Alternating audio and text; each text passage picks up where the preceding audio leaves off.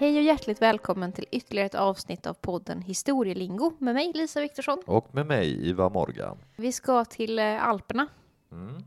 och vi ska prata om eh, Ludwig van Beethoven. Ja, det blir ett konstnärsporträtt idag, så det blir skojigt. Absolut, vi åker.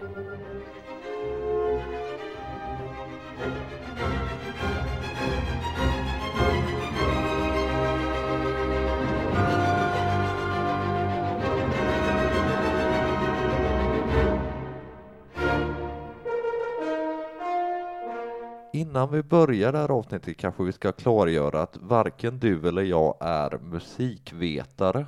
Nej, precis. Så det här blir mer biografi om Beethoven Mm, snarare än kanske musikteoretiskt inriktat. absolut.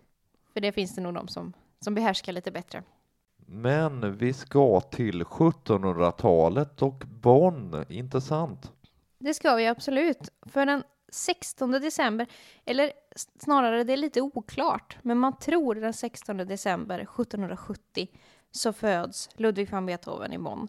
Mm. Men eh, jag säger att det är lite osäkert för det finns nämligen ingenting, inget dokument som styrker att det skulle vara den 16 december.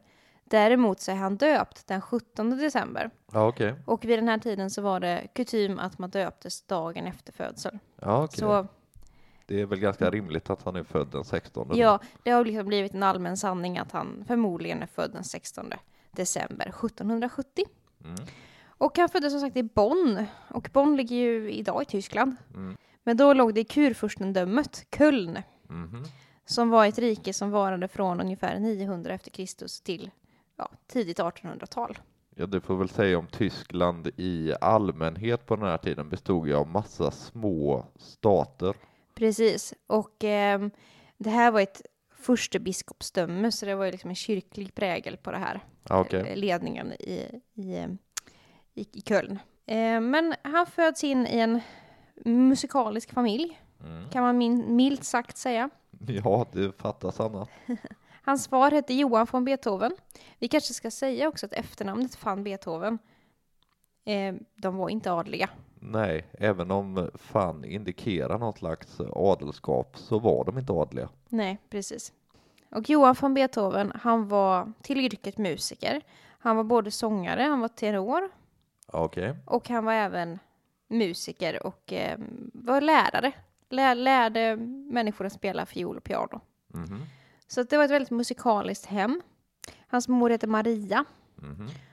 Och det är inte bara fadern som är musikalisk utan även farfadern Ja, okej. som hette också Ludwig van Beethoven. Mhm. Och den här Ludwig van Beethoven, den äldre, han var dirigent. Ja, det är ju ganska flott. Ja, verkligen. Och, ehm, så, så han hade musiken i blodet, verkligen. Och ehm, då kan man ju tänka sig att musiken blev väldigt central i uppväxten. Mm. Eh, Ludvig är inte ensam. Nej. Eh, Maria och Johan får sju barn.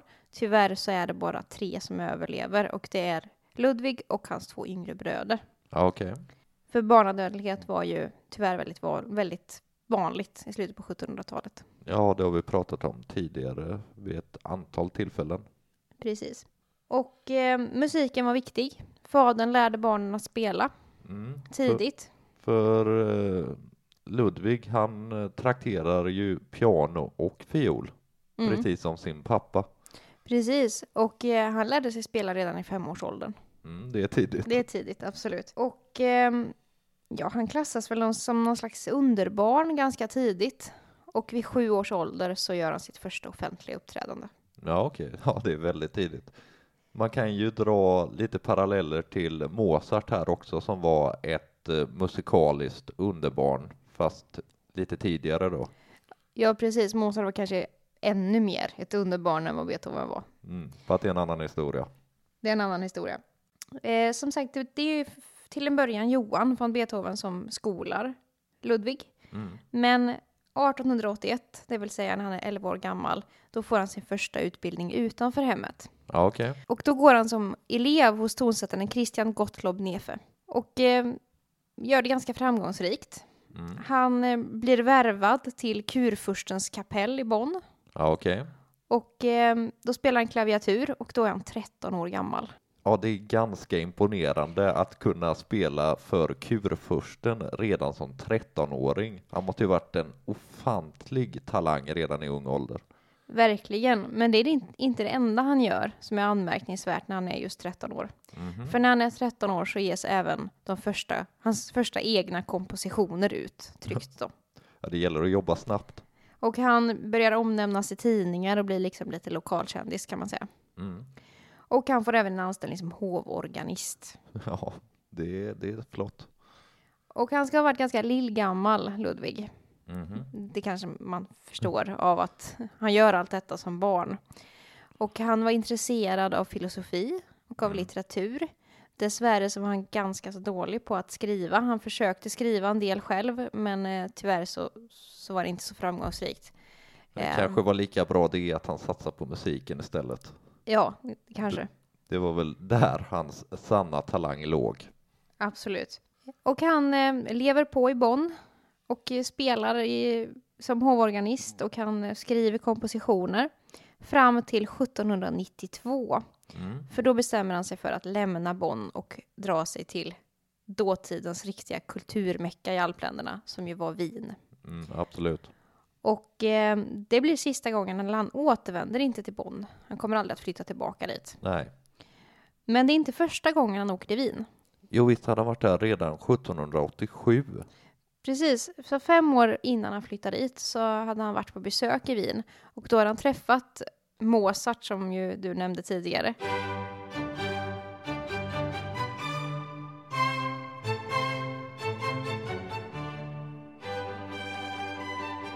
Och Mozart var imponerad av eh, lille Beethoven, för Mozart var ju då en, en hel del äldre.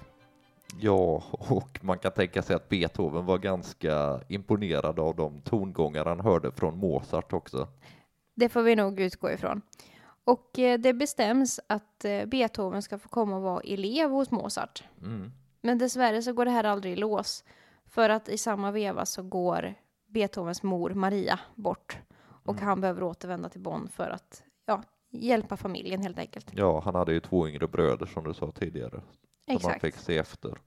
Exakt. Och, ehm, så, men 1792 så återvänder han till Wien och ehm, målet är ju att leva som musiker och kompositör. Absolut. Och du nämnde ju att Wien var en kulturmetropol. Mm. Och det var det i sanning. Det var liksom där som konstmusiken frodades. Dessutom så var det en väldigt stor stad. Ja, det var det verkligen.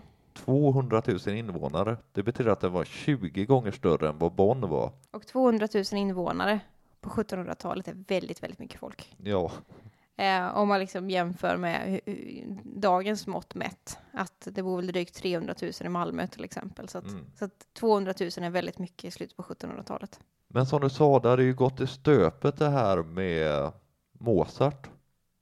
Mm. Och Mozart dör här i samma veva också. Mm. Men Beethoven bestämmer sig i alla fall att Wien är platsen för honom. Och när han kommer dit så börjar han studera under Josef, Haydn. En eh, väldigt ryktbar tonsättare. Ja, absolut. Och eh, han hade han faktiskt träffat tidigare också. För Haydn hade gjort en resa till London 1790 till, och 1791. Och under den här vevan så hade han stannat i Bonn. Och där hade man kommit överens om att eh, ja, Beethoven skulle få komma till Wien och studera under honom. Och det kan man ju tänka sig var väldigt kul. Ja, det var det säkerligen. Det blev dock inte så kul när han väl kom dit. Nej, För han var inte riktigt nöjd med att ha Haydn som lärare. nej. I hemlighet så började han smussla med en annan känd kompositör som hette Johan Schenk.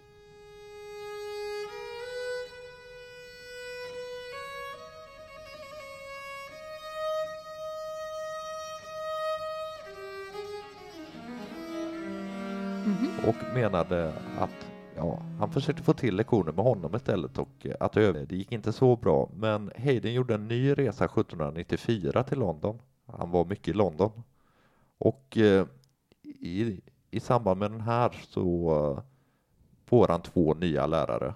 Dels eh, Johan Georg Albrechtberg, R. en kanske inte riktigt lika ryktbar kompositör som de andra. Och en annan väldigt känd eh, kompositör, Antonio Salieri. Och eh, honom känner vi ju igen som eh, nemesisen till Mozart.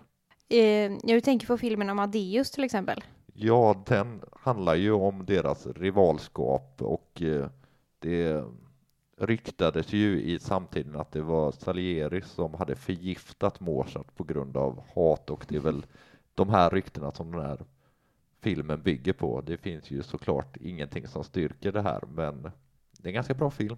Jag tror vi lyfte den i något av våra filmtipsavsnitt för länge sedan. Ja, ett av de första avsnitten vi gjorde. Ja, Och anledningen till att Beethoven kan vara i Wien är ju att han får liksom ekonomiskt stöd från Bonn. Mm. 1794 så upphör det här. mhm. Och för att liksom kunna fortsätta hanka sig fram så behöver man få mat på bordet. Man behöver skaffa pengar. Mm.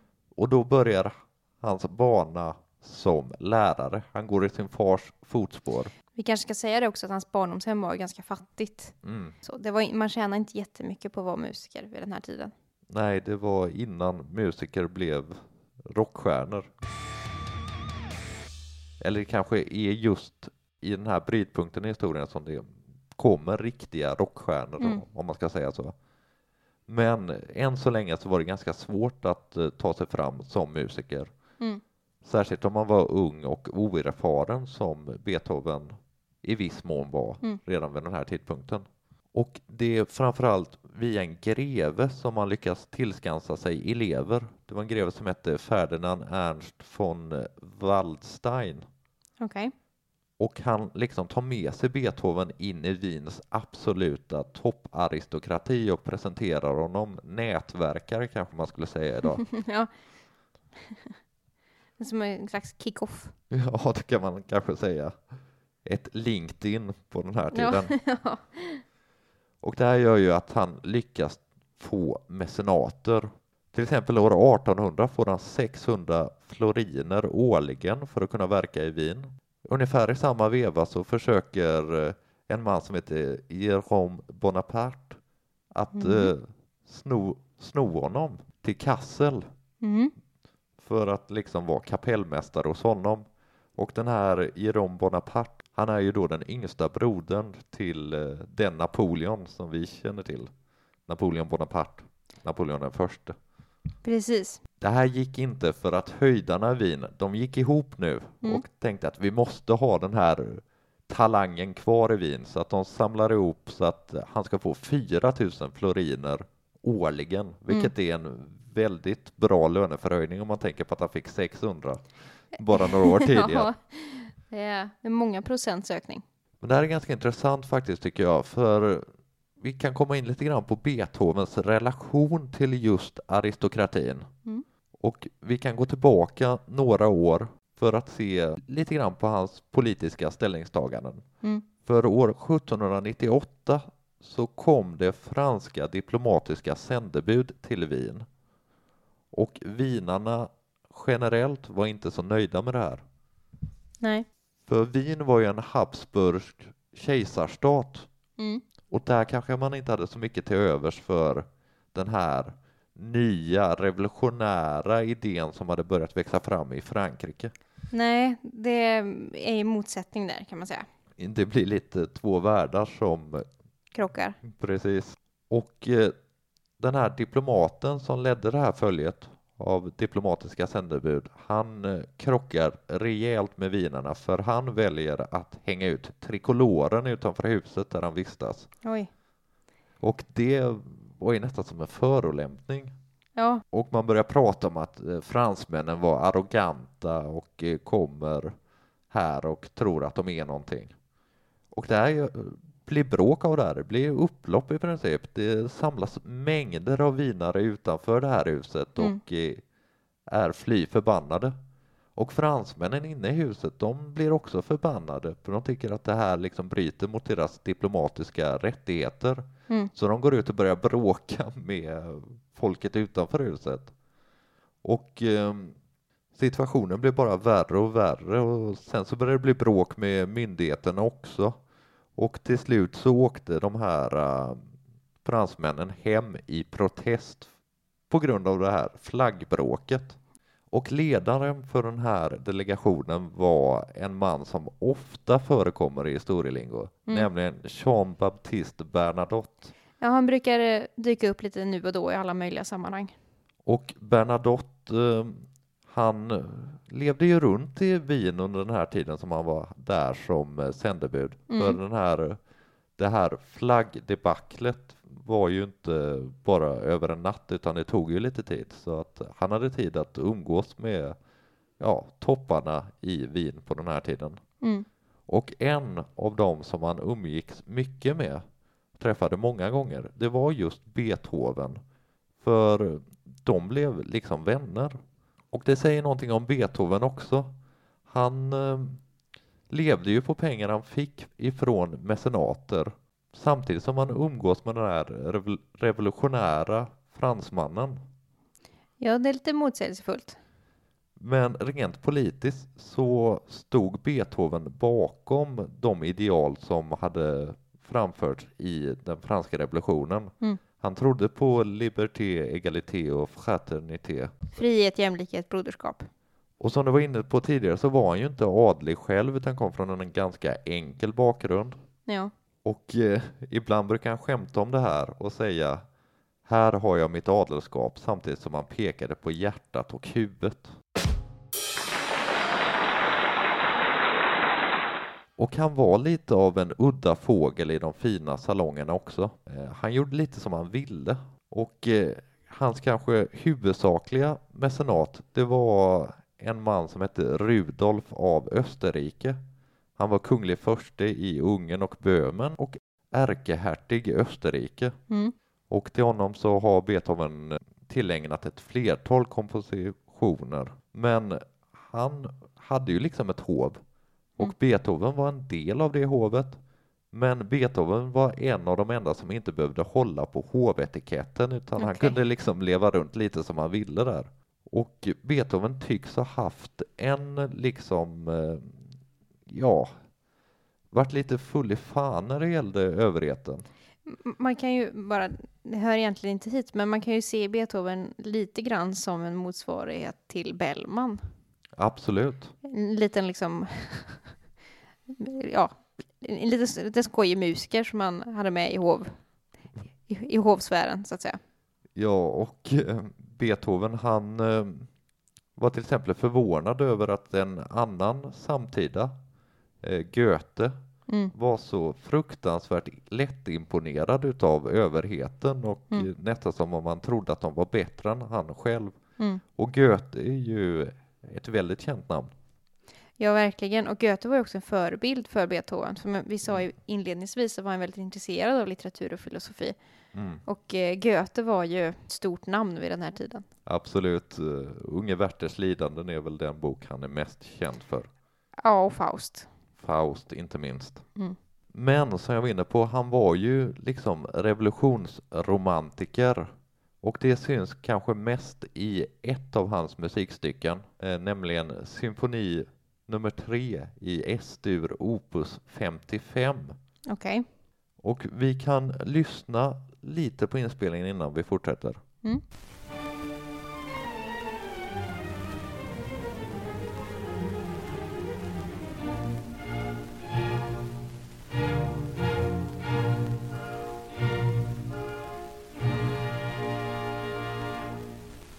Det är pampigt. Ja, verkligen.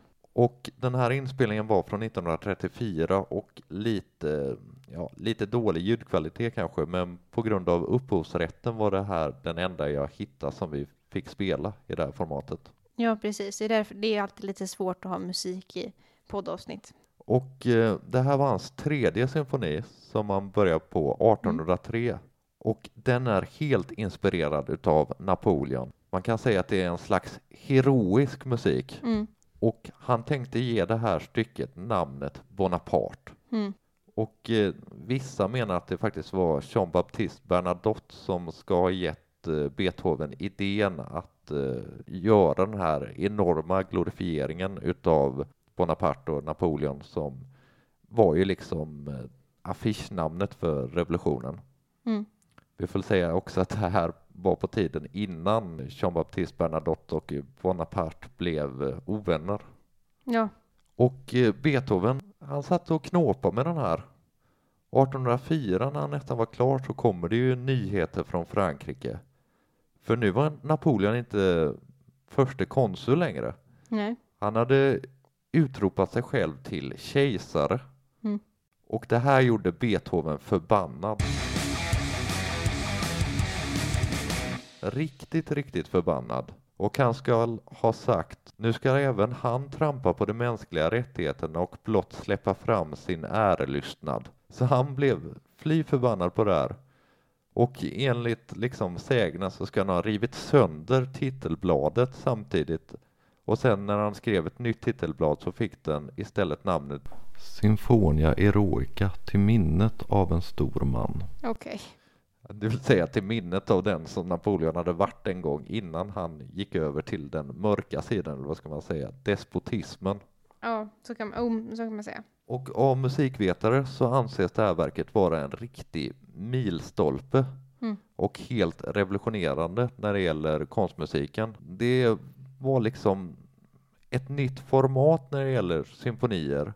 Det var en viss andlighet i det. Melodierna brottades med varandra och sen så har vi mycket, mycket enligt de som kan musikteori och så, känsloyttringar i den här symfonin också.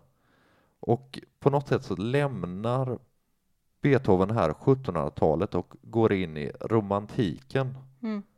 Och det tycker jag är intressant. Romantiken har vi varit inne på tidigare. Ja, och inte minst i avsnittet om Mary Shelley som kom i eh, april. Mm. Och i romantiken så blir det ju det individuella blir betydligt viktigare än det har varit tidigare. Mm. Och eh, man följer inte riktigt bara skolboksexemplen utan man ger sig själv, sin subjektivitet en större plats och kanske framförallt känslorna. Mm. Så att eh, det här ska vara liksom ett väldigt revolutionerande verk som har ändrat musikhistorien och man kan se hur en epok går över i en annan. Mm. Men om vi ska fortsätta med Beethoven och det politiska så var han ju uppriktigt ledsen på Frankrike efter Napoleons eh, utnämning till kejsare. Jo, det är klart. Det är klart man blir besviken på någon man har sett upp till och, och beundrat som helt plötsligt går rakt emot det man står för. Så med tiden blev faktiskt Beethoven anglofil Mm. och eh, beundrade istället den eh, konstitutionella parlamentariska demokratin som fanns i England Mm. och började intressera sig för skotsk folkmusik och Shakespeare inte minst. Vi var inne på hans litteraturintresse tidigare Ja, just det. och eh, han har till exempel skrivit en bok som heter Wellington Siege Mm. om eh, ja, militären Wellington.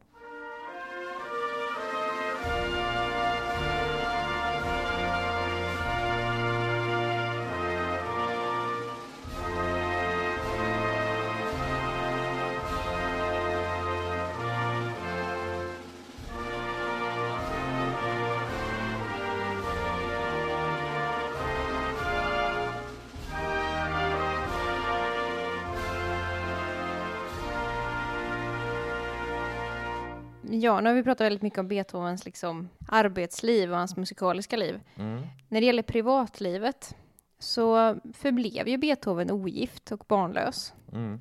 Men han hade en kvinna som han var förälskad i. Mhm. Och hon hette Therese Malfatti von eh, Roenbach Sudetza. Vilket smidigt namn. Eh, ja, vä- väldigt kort namn framförallt. Och eh, Beethoven friar till henne 1810 men han får korgen. Mhm. Hon säger nej och gifter sig med en annan man istället. Mm. Och eh, ett av Beethovens mest kända verk är väl ändå Fyrelis. Vi kan lyssna lite på den här. Mm.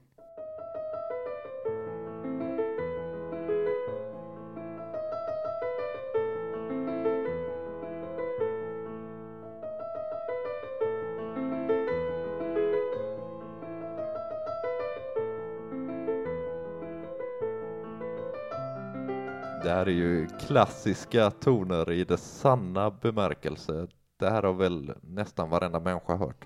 Ja, det tror jag verkligen. Men saken är den att förmodligen så döpte inte Beethoven det här verket till Fyr Elise. Nej. Det var nämligen så att till att börja med så hade Beethoven otroligt usel handstil. Ja, okej. Och för det andra så ett papper med en handskrift på blev ganska slitet och så vidare. Och när någon då ska ta upp den här, det här verket och liksom säga vad det heter så säger man Fyr Elise för att man tror att det står Fyr Elise. Okej. Men förmodligen så står det inte Fyr Elise utan att det är då Therese som menas. Eh, och att det egentligen då är Therese som är tillägnas den här vackra kompositionen. Ja, okej. Och att när man läste fel från början så har det liksom blivit allmänt vedertaget sen att idag heter den ju Fyr-Elise. Mm. Eh, men vi vet ju inte med säkerhet att det är så, men man tror att det kan vara en felläsning det handlar om. Ja, okej. Och en slarvig handstil. Och eh, om det är någonting som eh, gemene man kan om Beethoven så är det väl att han blev döv? Ja, det är, väl- vet man någonting om Beethoven så är det väl reglat att han blev döv. Och det började tidigt. Han fick ordentligt nedsatt hörsel redan vid 30-årsåldern. Mm. Och eh, till följd av det så blev han väldigt deprimerad. Mm. Och han började smida självmordsplaner. Och han skrev ett testamente. Ja, det är klart att om man har som sitt eh, kall i livet att skriva fantastisk musik och spela musik så är, är det inte kul att bli döv. Det är inte kul för någon, men kanske framför allt för en musiker så blir det väldigt jobbigt. Men han fortsätter spela i ungefär 10 år till. I 40-årsåldern så kan han inte spela. Då hör han så dåligt så han kan inte uppträda längre offentligt. Då. Nej. Så slutar han spela själv. Men han väljer livet och fortsätter komponera. Mm. Och skriver då musikstycken. Trots att han ju inte hör någonting så skriver han noter och skriver ner Mm. kompositioner. Man får anta att han hörde musiken i huvudet. Ja, och eh, lite bittert kanske så ska han själv ha sagt att jag ska höra i himlen Mm. hur det låter då. Och eh, under de här decennierna som han har väldigt nedsatt hörsel innan han blir helt döv så åker han till kurorter som Karlsbad och Baden också va? ja, det gjorde han och försökte då liksom att kurera sig på olika sätt. Det var ju så man gjorde vid den här det tiden. låg lite i tiden. Man åkte till kurorter och drack vatten och trodde att allt skulle bli bra, men det blev det inte. Han fick inte hörseln tillbaka. Och eh, när han då är 50 så blir han helt döv. Mm. men fortsätter ju skriva. Och när hans symfoni nummer 9 har premiär, den som kallas för Glädjesymfonin,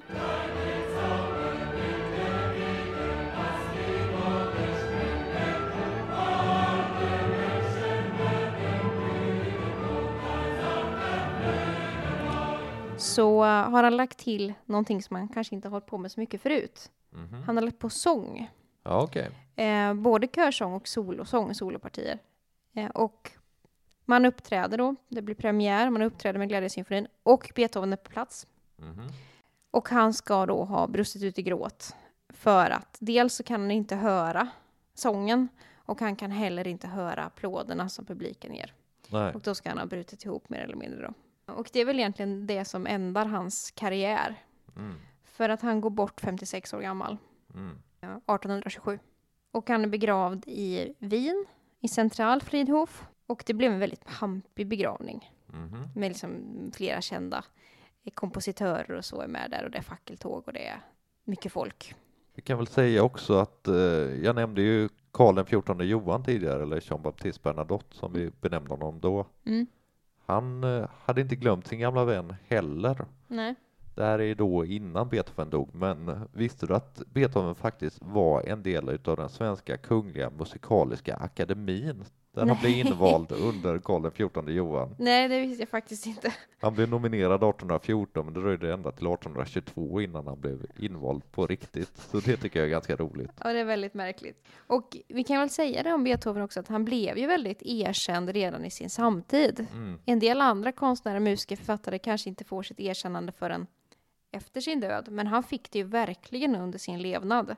Och Mm. levde ju väldigt gott. Han var ju en rockstjärna mer eller mindre. Absolut. Och eh, man kan väl säga att i efterhand då, efter hans död, så har det ju inte upphört. Nej. Han är fortsatt lika berömd. Man spelar Beethoven liksom överallt. Och eh, Ja, om det är någon som är kanon så är det ju Beethoven ja, och han, han har ju egentligen aldrig dalat ordentligt, utan han har ju liksom legat kvar och varit populär från sin levnad och är fortsatt. Det finns väl inga tecken på att det skulle ebba ut nu heller. Jag tänkte på en sak eh, angående det vi var inne på tidigare med romantiken. Mm. En av de här sakerna som eh, romantiken bidrog med var ju tanken om det ensamma geniet. Mm. Det är väldigt liksom centralt i romantikens mytbildning. Mm. Och Beethoven är ju en av dem tillsammans med författare som till exempel Lord Byron som liksom förkroppsligar den här idén om att konstnären som ett ensamt geni. Mm, precis. Och Lord Byron pratade vi också om i avsnittet om Mary Shelley. Ja, det var väldigt mycket romantik i det avsnittet. Ja. Så det tycker jag är ganska intressant. En annan sån sak som jag reflekterar över om vi tänker tillbaka på ett gammalt avsnitt vi gjorde Mm. Är ju att han var en av de liksom portalfigurerna in i romantiken. Och eh, han var ju precis som andra portalfigurer in i romantiken eh, revolutionär i viss mån. Ja. Och då tänker jag kanske framför allt på Mary Wollstonecraft som vi gjorde ett avsnitt om. Januari i år. Ja, det var årets första avsnitt Mm. som också var en sån här portalfigur som också hade de här revolutionära idéerna. Vilket är lite konstigt kan jag tycka att de som verkligen banar väg för det nya, det romantiska, är så fast präglade utav upplysningsidéerna. Ja, Men det kanske är en annan diskussion. det kan vara en annan diskussion. Men som sagt, Beethoven är ju alltjämt populär. Mm. Hans barndomshem i Bonn är museum idag till exempel. En lite märklig hedersbetygelse. Hans, det är inte så konstigt att han har museum i sin Ty- egen hemstad. Han står även staty i, i, eh, eller det finns även ett Beethoven-monument i Bonn. Ja, Men- det invigdes 75 år efter hans död vill jag minnas. Ja, så kan det nog vara. Men en lite märkligare hedersbetygelse. Den är, finns inte på jorden. Nej. Utan vi får ut i rymden och på Merkurius så finns det en krater som är döpt till Beethoven-kratern. Okej. Det är en aningen märklig hedersbetygelse kan jag Tänk, tycka. tänk om han hade vetat det. Ja. Då hade han nog varit nöjd. Ja, det tror jag säkert. Sen har ju Beethoven, det har ju gjorts filmer och tv-serier i mängder och böcker naturligtvis om Beethoven. En grej som jag tänkte på när vi bestämde att vi skulle göra ett Beethoven-avsnitt Mm. Då, då får vi gå tillbaka till barndomen och min, min kanske första kontakt med Beethoven. Mm. Det fick jag genom eh, barnprogrammet Snobben. Okej.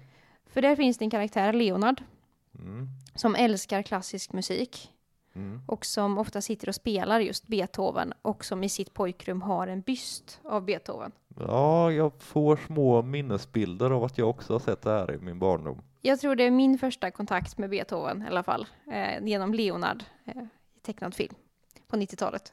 En annan sån här kontakt man kan tänka är ju rock'n'roll-låten Roll Over Beethoven Mm. som Chuck Berry skrev 56. Och den ska han skrivit eh, som något slags reaktion mot att hans syster satt i rummet bredvid och spelade bara klassisk musik och medan Chuck Berry spelade rock'n'roll. Och det är ju en av eh, rockhistoriens kanske mest coverade låtar, till exempel Beatles från 63 gjorde ju en stor version av den. Och sen ett, ytterligare ett betyg på att Beethoven fortfarande är populär, det är ju att eh, streamingtjänsten Spotify Mm. har satt ihop en spellista, alltså en egen spellista, som heter This is Beethoven med, ja, olika tolkningar av Beethoven helt enkelt. Det är lite roligt tycker jag. Best of. Bäst av Beethoven. Ska vi knyta ihop säcken kanske? Mm. Det är en man som har gjort stort avtryck i kulturen Absolut. och som eh, är alltjämt eh, aktuell, ständigt Absolut. aktuell. Och ehm, som levde ett ganska, ganska tragiskt livsöde. Även om han var uppburen konstnär så var hans privatliv ganska tragiskt med syskon som dog som barn och eh, modern som gick bort tidigt. Mm. Och sen att han då fick korgen av sin stora kärlek och eh, levde ensam, barnlös och sådär. Och dessutom eh, brottades med självmordstankar. Och blev döv eh, när hans kall i livet var att skriva musik och spela musik. Så att ehm, han hade det nog ganska tufft tror jag. Det får man nog säga. Och eh, det är lite synd att han inte får veta att han eh, idag flera hundra år senare fortfarande spelas världen över. Verkligen. Skulle ni vilja att vi gör mer sådana här eh, konstnärsporträtt. Vi har ju gjort några stycken men kanske inte så många när det gäller musik så får ni gärna höra av er om ni skulle vilja ha mer sådana avsnitt. Och då kan ni mejla oss på historielingo.gmail.com. Eller höra av er på Instagram, där heter vi historielingo. Vi hörs igen med ett helt vanligt historielingo som handlar om någonting helt annat än Beethoven och klassisk musik. Ni får det bra till dess. Ha det gott! Hej! Hej!